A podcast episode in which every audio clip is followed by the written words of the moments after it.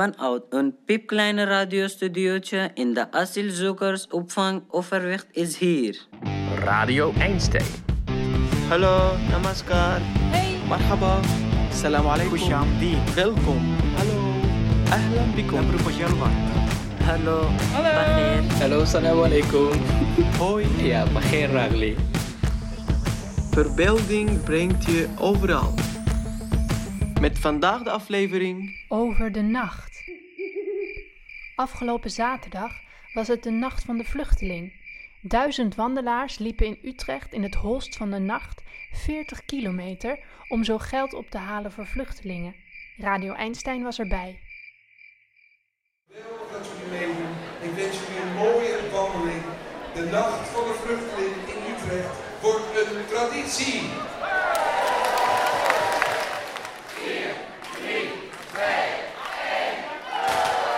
Ja, de Nacht van de Vluchteling is eh, eigenlijk aandacht vragen voor de vluchtelingen, zeg maar.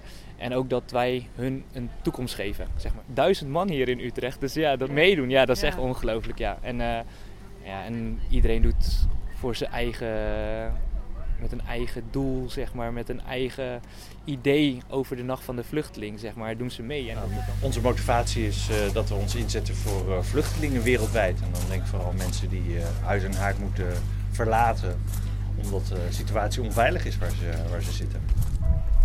Zo, de eerste stop. Knippen. Hallo. Hallo.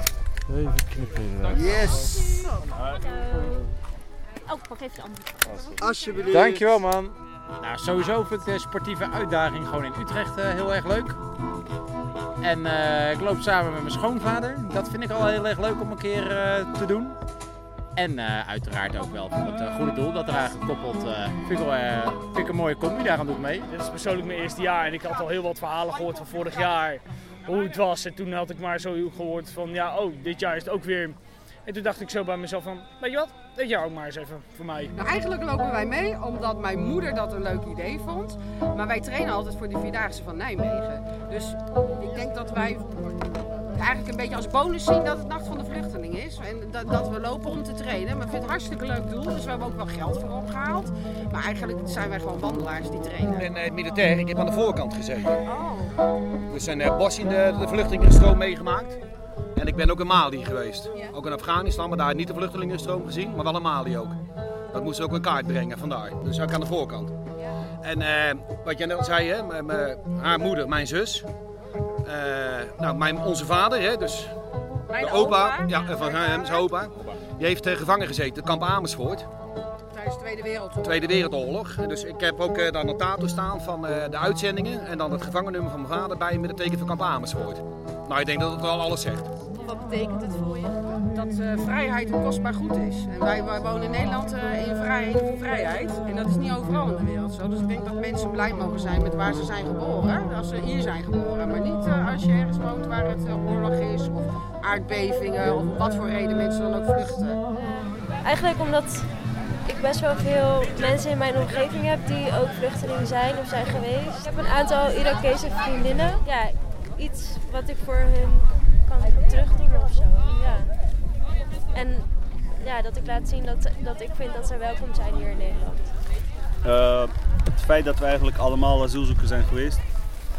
En uh, dat we goed weten wat, uh, wat ze doormaken en wat ze allemaal meemaken met de hele procedure, maar ook de weg hier naartoe.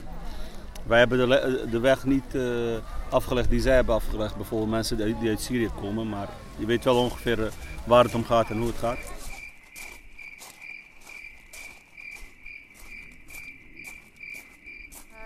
Doet, doet het iets extra's bijzonders dat het in de nacht is? Uh, dat ja. zeker. Ja, het, kijk, wij, we hebben één, één, in onze groep zit één Syriër. Uh, die heeft ook voordat we dus het hele evenement begonnen ook helemaal verteld uh, ja, hoe hij dit helemaal heeft meegemaakt. Ja, dan komt het natuurlijk heel erg dichtbij. En uh, hij zei ook al in die tijd rond, rond 12 uur s'nachts ging hij ja, een rubberboot op. Dus ja, 12 uur s'nachts was voor hem echt wel een, ja, een, zo'n zo'n moment. En uh, ja, zeker in de nacht. Ja, de, de meeste vluchtelingen lopen door de nacht ook, uh, natuurlijk ook overdag. Maar ja, dat heeft wel, heeft wel iets speciaals. En zeker met alle lampjes wat je dan echt ja, honderden meters voor je en achter je ziet.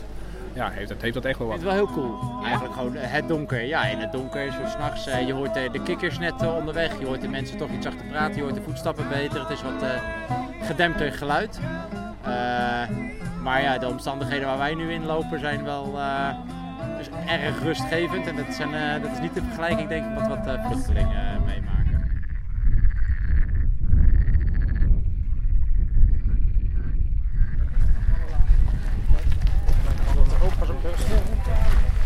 Lampje.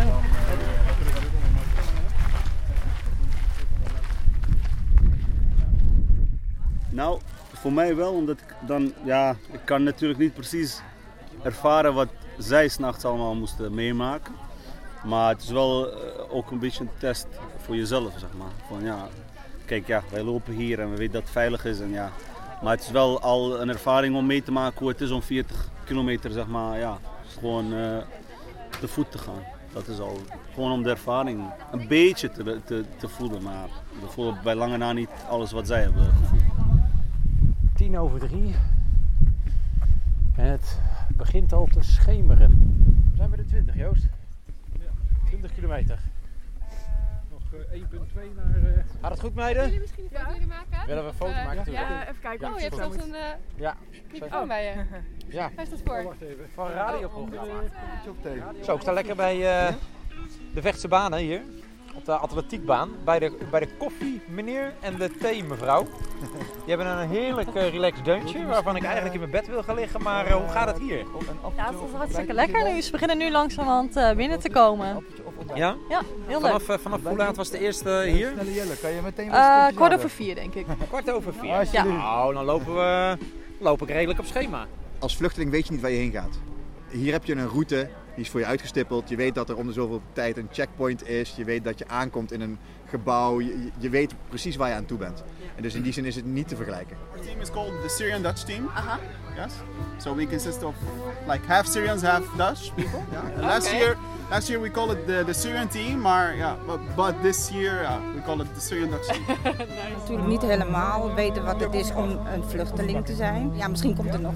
Maar dan probeer ik me wel te voor te stellen van hoe het nou is om hè, zonder goede schoenen en, en nou ja, de hele mikmak meer. It's a kind of memory uh, from our Yes. trip. uh, Exactly. With a smuggler, you mean? yeah, for most people, yeah, that's, that's true. Yeah, most people have, have like, yeah, they went through this uh, same experience, you know? Yeah. You as and it's, well? um, Yeah. Yes. Yes? Almost. They have no water to drink, Yeah. no place to sleep, no clothes to wear. Nou, kom ik eh, s ochtends vroeg iemand op zijn blote voeten tegen die de tocht aan het afleggen is. Eh, van waar eh, op de blote voeten? Eh, omdat op blote voeten lopen heel erg lekker is. Blote voeten is lekker. Ja, het kan ook pijn doen, dat snap je wel. Maar doorgaans is het heel erg lekker. Ja? Doe je dat altijd? Ik loop sinds een, eh, ruim een jaar loop ik eigenlijk alleen nog maar op mijn blote voeten. Daar is het bord van 1 kilometer. Die had 39 kilometer eerder moeten komen. Zo, nou laatste 100 meter. Knipje halen. Klaar. Oh, ontbijtje. Vandaag in broodkruimels naar huis. De langste nacht uit Ahmeds leven. Ze zijn nog aan het slapen als het lawaai begint. Het is drie uur, midden in de nacht. in this night, in this time. Oh my God, big sound, too much sound.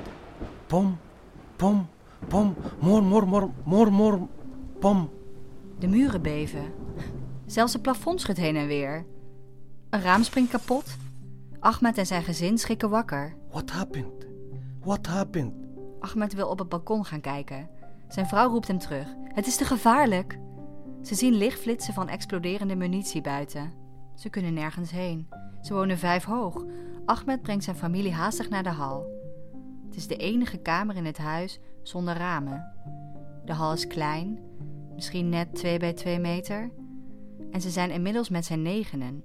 Ahmed, zijn vrouw, zijn drie dochters, drie zonen en een goede vriend die op dat moment bij hen logeert. Ahmed probeert het licht aan te doen. Ah, de elektriciteit is uitgevallen. Hij steekt een kaarsje aan.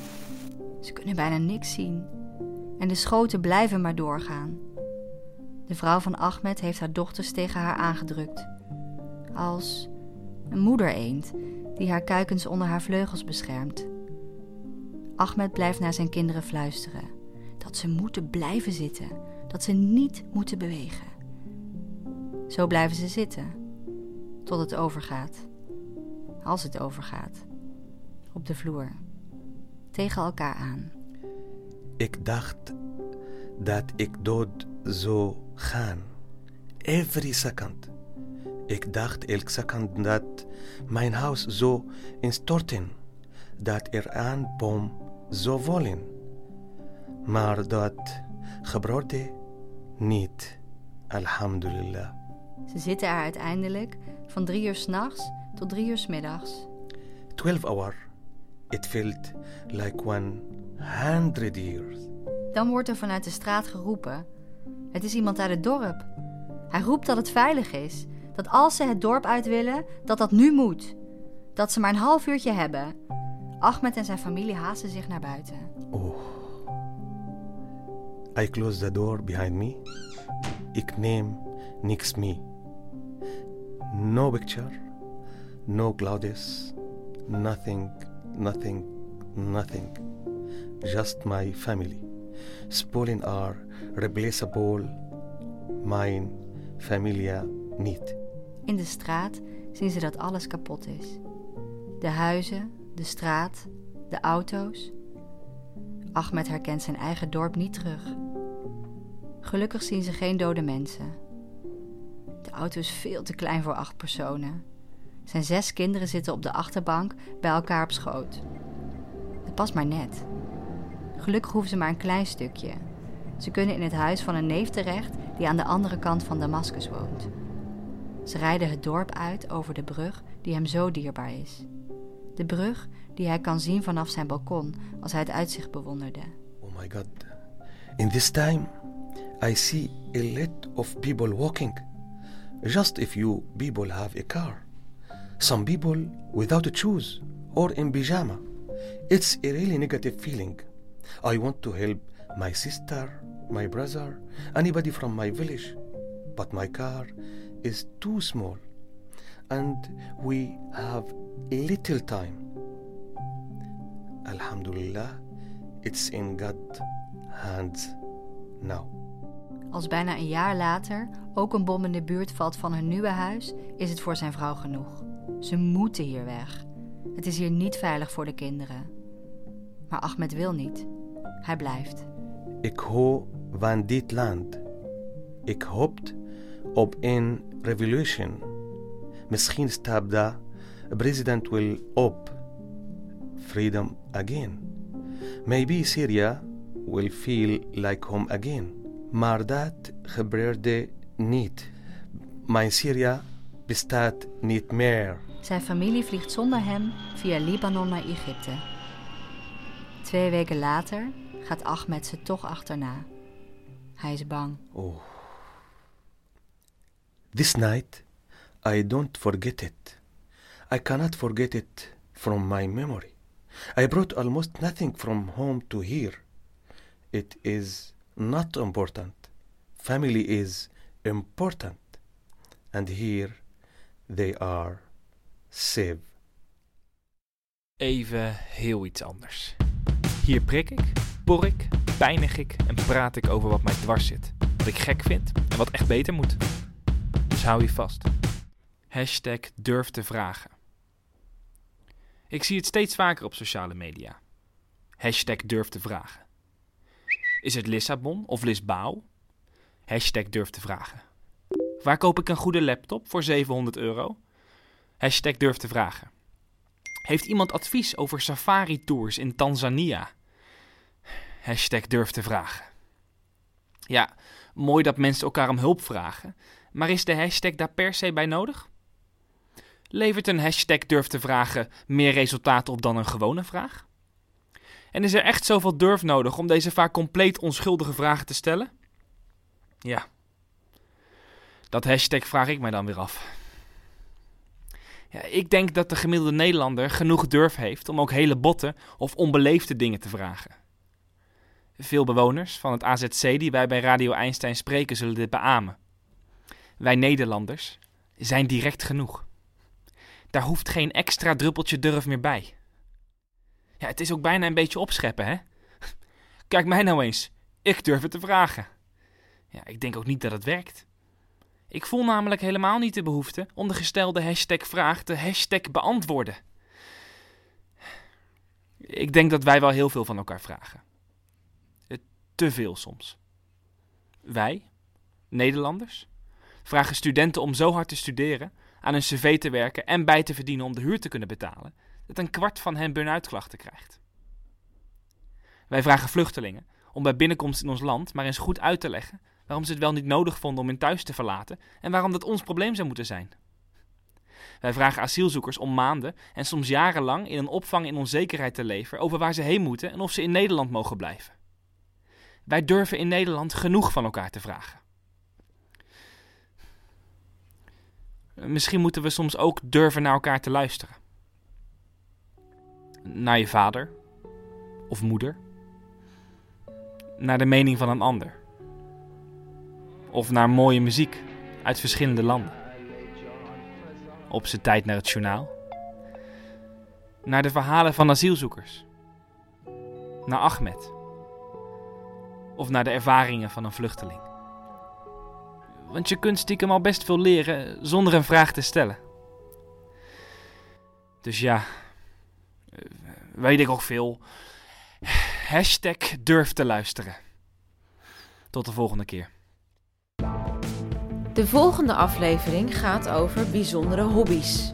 Bewoners vertellen over wat ze graag doen in hun vrije tijd en horen we verhalen over eigenaardige verzamelingen. Alle afleveringen zijn terug te beluisteren op www.radioeinstein.nl. Tot volgende week.